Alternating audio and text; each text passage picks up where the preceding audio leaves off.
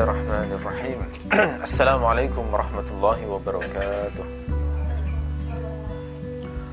الحمد لله رب العالمين والصلاة والسلام على سيد المرسلين وإمام المتقين وعلى آله وصحبه ومن تبعه بإحسان إلى يوم الدين. اللهم اغفر لنا ما قدمنا وما أخرنا وما أسررنا وما أعلنا وما أسرفنا وما أنت أعلم به منا. أنت المقدم وأنت المؤخر وأنت على كل شيء قدير.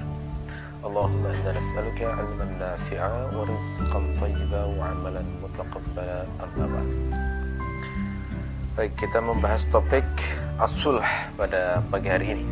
As-sulh maknanya secara bahasa itu adalah perdamaian. Nah, dalam pembahasan fikih ini yang maksud dengan as-sulh itu adalah akad untuk menyelesaikan perselisihan.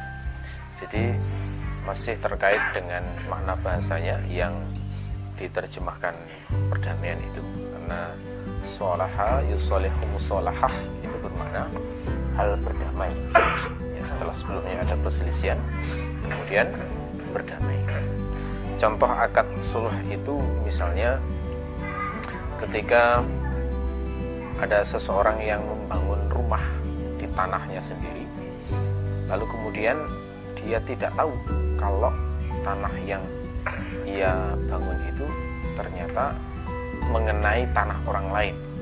Meskipun nggak banyak bisa jadi mungkin hanya 25 cm misalnya tetapi ketika mengambil tanah orang lain itu kan tetap sebuah eh, tindakan yang tidak bisa dibenarkan.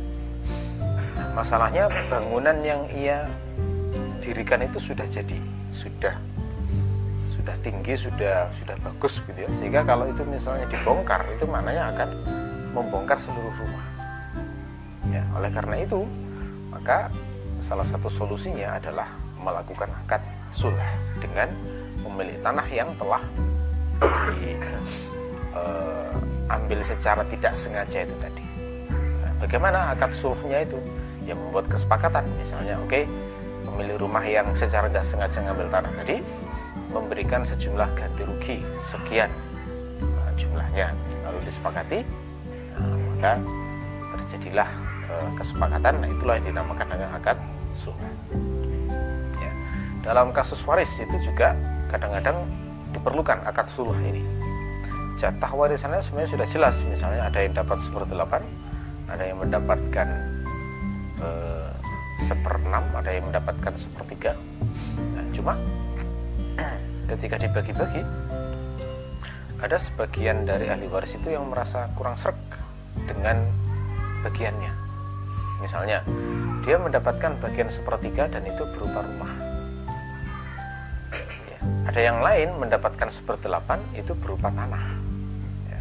sementara yang mendapatkan bagian rumah itu nggak butuh rumah. Yang ia butuhkan tanah. Sementara yang mendapatkan bagian tanah dia nggak butuh tanah tetapi dia butuh ini bisa dipertukarkan. Nah, cuma karena nilainya berbeda maka penukaran itu itu disertai dengan eh, apa bahasa Jawanya susuk apa bahasa Indonesia? Uh, ada ada kembalian aja change-nya ya. Jadi dipertukarkan oke saya ambil rumahmu kamu ambil tanahku. Lalu sisa dari nilainya dirupakan dalam bentuk harta. Sehingga kemudian saling berhitung semacam ini termasuk dalam pembahasan asuh maka asuh ini berlaku pada hampir semua persoalan kehidupan. Intinya di situ ada perselisihan kemudian ada saling tukar menukar e, harta maka itu termasuk akad sulh yang diperbolehkan ya. Wa yasihhu as-sulh. Ya, as-sulh itu hukumnya sah. Boleh maksudnya ya sah yasih itu makna uh, lawan dari ya betul batil. Jadi kalau dalam fikih itu disebut sah maka itu lawan dari batil. Batil itu tidak sah. Ya, itu berlaku pada fikih sholat juga. Kalau misalnya sebuah ibadah dikatakan batil atau batal itu maknanya tidak sah. Harus mengulang. Akad sulh itu sah. Artinya bisa berlaku halal itu didasarkan pada sejumlah dalil. Di antaranya dalam surat An-Nisa ayat 128, "Wasulhu khair." Sulh itu adalah kebaikan. Jadi Allah sendiri menyebut dalam Al-Qur'an, as-sulh, perdamaian itu adalah kebaikan. Jadi prinsipnya kalau bergaul dengan orang itu memang usahakan mencapai kondisi sulh, perdamaian. Jangan sampai ganjel, jangan sampai ada perselisihan, jangan sampai meninggal dalam keadaan masih ada tanggungan pada orang lain. Allah memuji asul khair. Damaian itu adalah kebaikan. Sehingga dalam bergaul dengan siapa pun ini yang harus menjadi semangat dari seorang muslim. Termasuk juga dalil yang membolehkan adalah sulh adalah hadis riwayat At-Tirmidzi bahwasanya Rasulullah bersabda, "As-sulhu jaizun bainal muslimin illa sulhan harrama halalan au ahalla haraman." As-sulh itu boleh di kalangan kaum muslimin kecuali sulh yang mengharamkan yang halal atau menghalalkan yang haram. Jadi kalau menabrak syariat baru itu diharamkan. Perjanjian sulh misalnya tukar menukar anak tidak boleh. Ya, kenapa? Karena itu anak tidak boleh diperjualbelikan. Membelikan menjual belikan orang merdeka itu termasuk perbuatan haram dalam Islam. Jadi tidak boleh tukar menukar anak nah, kemudian eh, tukar menukar harta tapi salah satunya haram berupa babi atau khamr atau barang haram yang lainnya. Nah itu sulh yang diharamkan karena melanggar syariat. Wal muslimuna ala syurutihim illa syaratan haram halalan aw ahalla haraman dan kaum muslimin itu terikat dengan syarat-syarat mereka kecuali syarat yang mengharamkan yang halal atau menghalalkan yang haram. Nah ini termasuk uh, ketentuan dalam Islam yang lebih luas ya, bahwa uh, Rasulullah itu mengajarkan kepada kita boleh menetapkan syarat. Hukum asalnya menetapkan syarat apa pun itu boleh. Yang dilarang hanyalah kalau melanggar syariat itu saja. Makanya ini berlaku dalam banyak hal, terutama sekali kalau pada zaman dulu dalam urusan pernikahan. Di dalam pernikahan itu malah ada hadis khusus nah, yang me menjelaskan tentang pentingnya memenuhi syarat dalam pernikahan itu. Nah, dalam salah satu riwayat dikatakan inna ahaqqama waffaitum bihi minasyurut mastahlaltum bihil furuj. Sesungguhnya syarat yang paling layak untuk kalian tepati adalah akad yang dengannya kalian menghalalkan kemaluan. Maksudnya adalah pernikahan. Nah, contoh di zaman dulu penetapan syarat terkait dengan pernikahan misalnya seorang wanita ketika dilamar seorang lelaki dia mengatakan saya mau menerima pinanganmu dengan syarat saya tidak diboyong keluar dari kampung halamanku jadi tinggalnya di sekitar situ ketika dia siap maka kemudian maka lelakinya suaminya terikat dengan syarat tersebut. Ya sebenarnya kan hukum asalnya namanya istri ya ikut suami kan. Tapi kalau misalnya seorang wanita menetapkan demikian ya silakan. Misalnya dia punya posisi tawar yang tinggi misalnya ya sehingga dia menetapkan demikian. Ya silakan saja.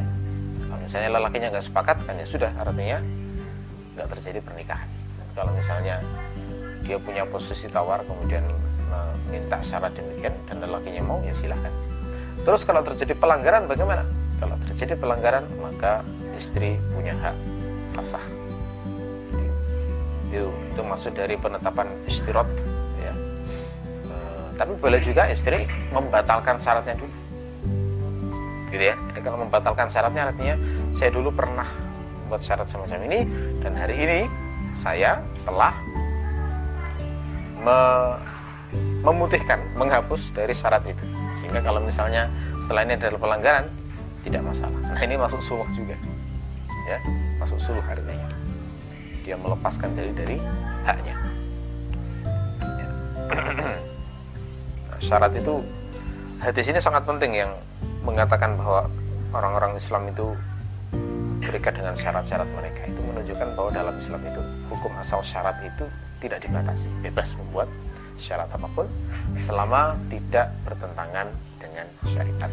Gitu.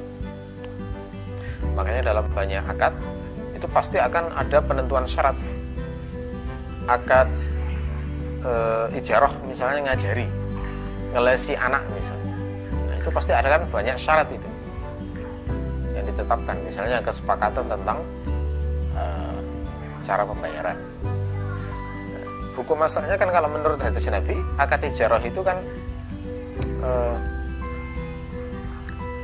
apa namanya? Bayarlah upah dari pekerjamu itu sebelum kering keringatnya. Itu kan tidak boleh tidak mungkin dipahami secara harfiah.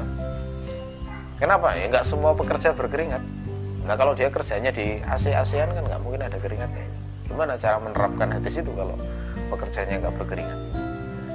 Kan maknanya sebenarnya bukan harfiah semacam itu itu adalah uh, ungkapan sebuah kinayah untuk menunjukkan tentang bersegeranya harus segera upah itu dibayarkan. Prinsipnya begitu. Tetapi kalau misalnya ada kesepakatan bahwa untuk pembayaran ngelesi itu dibayar setiap satu bulan sekali. Nah itu boleh.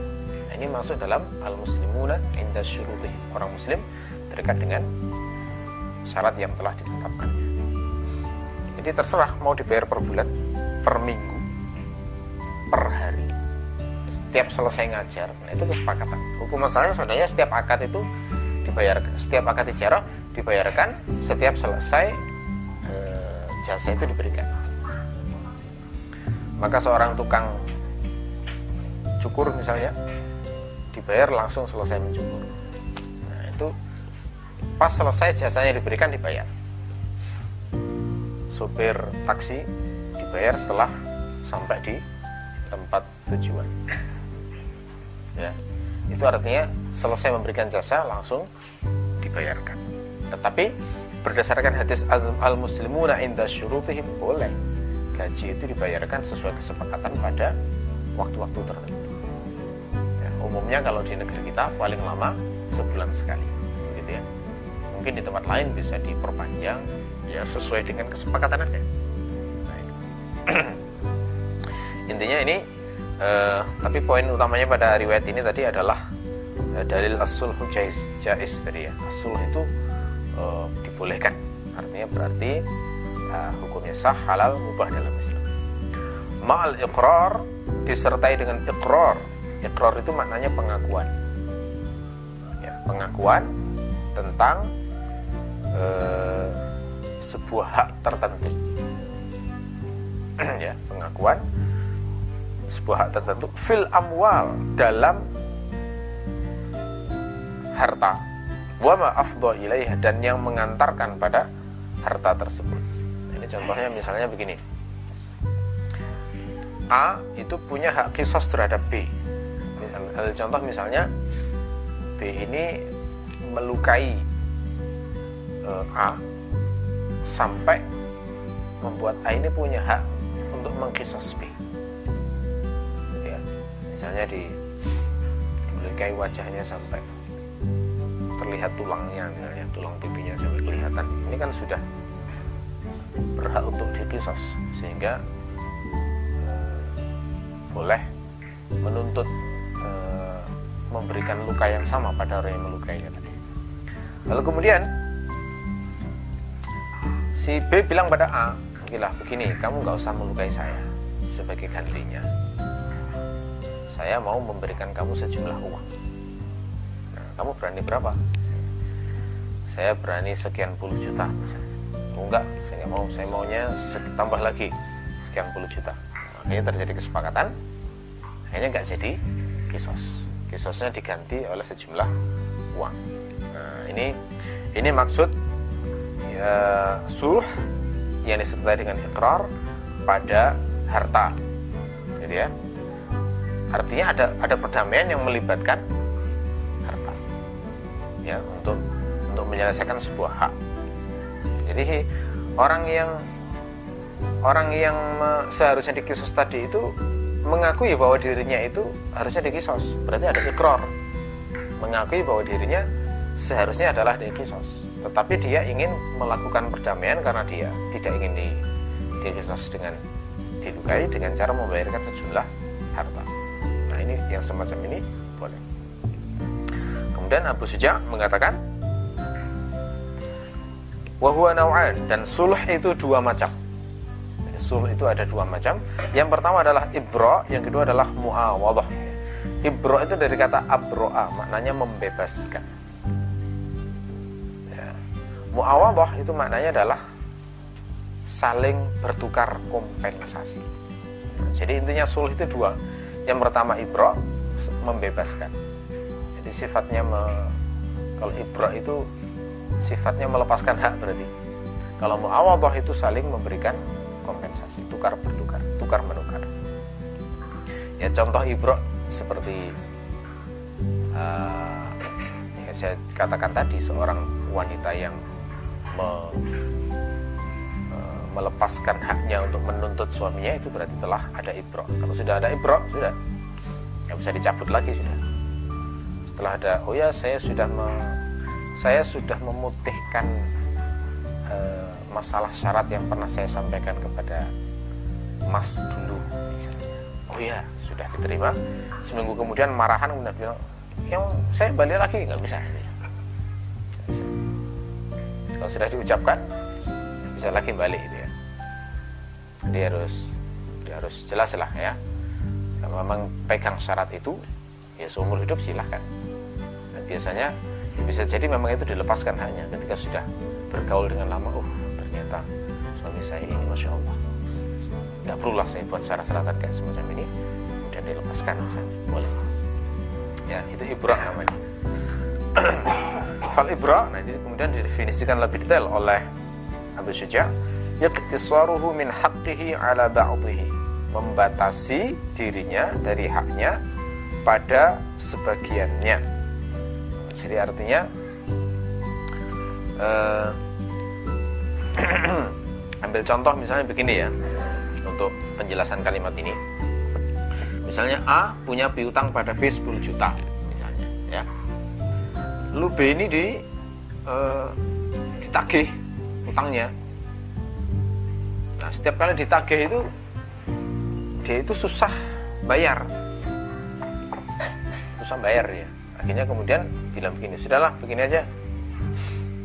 Kamu bayar saya cukup 5 juta saja. Sisanya nggak usah kamu lunasi, sudah kuanggap lunas." Nah, ini artinya berarti ada ibro 5 juta. Ya, melepaskan diri dari haknya sebagian itu. Nah, ini maksud dari kalimat Abu Suja yang berbunyi iqtisaruhu min haqqihi ala ba'dihi. Jadi membatasi diri dari haknya itu hanya pada sebagiannya. Jadi tidak tidak mengambil penuh haknya semuanya tapi hanya pada sebagian. Ini termasuk sulh yang tergolong ibro dan ini boleh. Tidak masuk riba. Ya. Wala yajuzu ta'liquhu 'ala syartin dan tidak boleh e, di, dikaitkan dengan syarat. Tidak boleh dikaitkan dengan syarat misalnya begini. Kalau sudah tanggal 1 Muharram, maka saya telah membuat akad sulh denganmu, yakni engkau hanya punya kewajiban bayar 5 juta. Nah itu tidak boleh dikaitkan dengan syarat kalau sudah tiba tanggal sekian, kalau Zaid nanti datang, kalau kalau anakmu nanti e, sudah lulus dan sebagainya. Jadi yang ada di, ditaklid atau dikaitkan dengan kondisi tertentu tadi itu tidak boleh. Akad suluh itu harus langsung.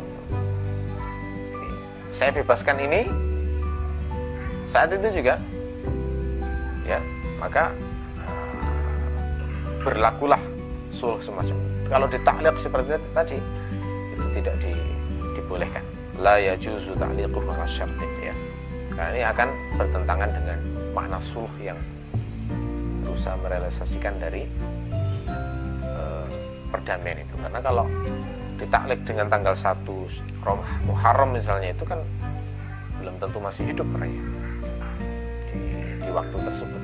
Jadi nggak nggak merealisasikan makna suluh yang sebenarnya. Wal muawadah uduluhu an haqqihi ila ghairihi. Dan muawadah itu adalah udul udul itu dari kata adalah me, me, apa ya menyimpang dari sesuatu belok dari sesuatu ya. Membelokkan diri dari haknya pada yang lainnya. Jadi, maksudnya tidak mengambil hak yang yang yang sebenarnya seperti apa tapi mengambil yang semakna dengan haknya itu ya. Jiri alaihi hukmul bai' dan berlaku hukum-hukum jual beli jadi kalau misalnya bentuk mawadhah ada tukar menukar maka berlaku hukum jual beli maksudnya berlaku hukum jual beli itu bagaimana?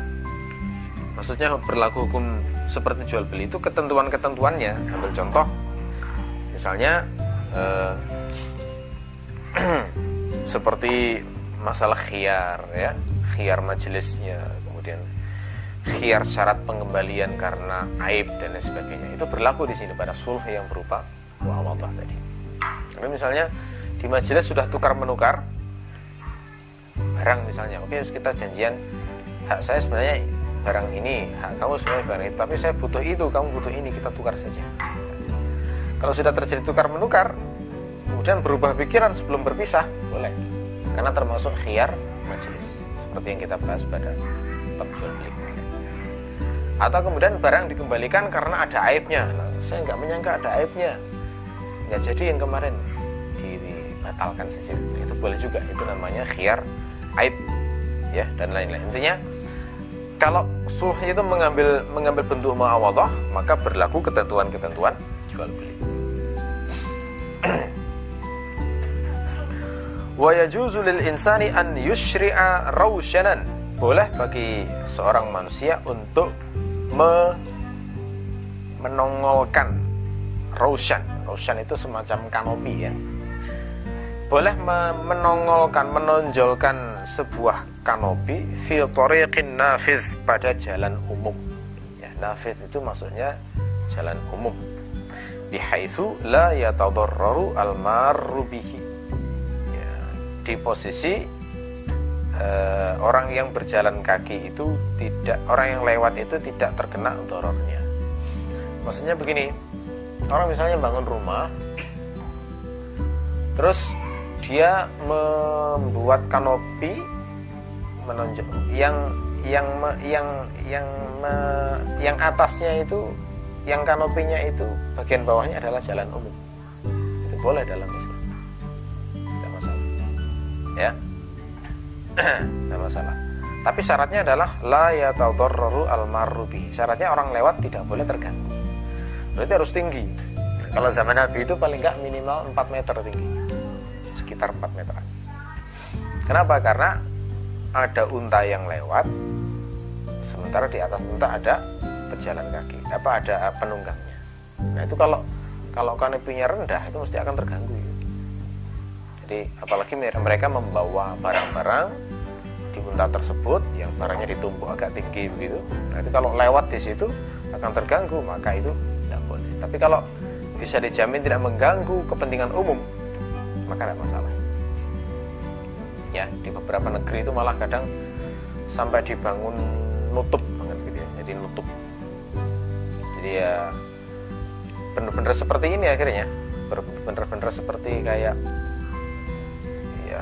mirip lengkungan begitu ya yang yang nutup sepanjang gang itu namanya rausyan rausyan itu boleh berdasarkan riwayat bahwa Rasulullah pernah memasangkan talang air untuk paman yang bernama Al Abbas dan itu talang airnya bagian atasnya itu memakai eh, area jalan umum nah, itu di istimbat oleh para fukaha membuat boleh seseorang itu memasang semacam kanopi itu memakai jalan umum. Ini tidak tidak melanggar kepentingan umum ya, selama tidak mengganggu orang yang lewat di situ. Zaman sekarang ya bisa kita ukur sendirilah kalau masalah ukuran meternya ke atas itu tergantung penggunaan jalan tersebut. Sehari-hari bagaimana? Kalau misalnya yang sering lewat di situ truk yang tingginya sekian meter itu dan bawa tumpukan tebu yang tingginya sekian meter. Diukur aja totalnya tingginya berapa. Selama nggak mengganggu itu maka berarti boleh. Ya. Wala yajuzu fit darbil mustarak tetapi tidak boleh pada jalan jalan mustarak jalan bersama jalan eh, apa? Jalan berserikat yang dimiliki bersama-sama. Ini maksudnya bagaimana? Bedanya tariqun nafidh dengan darbun mustarak kalau tariqun nafidh itu jalan umum. Kalau darbun mustarak berarti jalan khusus. Kepemilikannya pribadi berarti ya kalau kalau tariqun nafidh kepemilikannya umum semua orang boleh melakukannya. Kalau darbun mustarak itu kepemilikan pribadi tetapi beberapa orang gitu ya.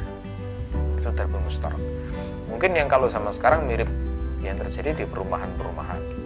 Itu jalannya kan bukan jalan umum jalan pribadi. Tapi pribadi bersama-sama untuk orang yang di perumahan itu begitu itu namanya darbun mustarak nah kalau membuat kanopi yang memakai jalan di darbun mustarak semacam ini maka itu harus dengan izin yang yang yang ada di kompleks tersebut nah, jadi nggak boleh eh, tidak boleh langsung dipakai karena sudah kepemilikan pribadi nah, yang yang boleh tadi itu adalah kepemilikan umum.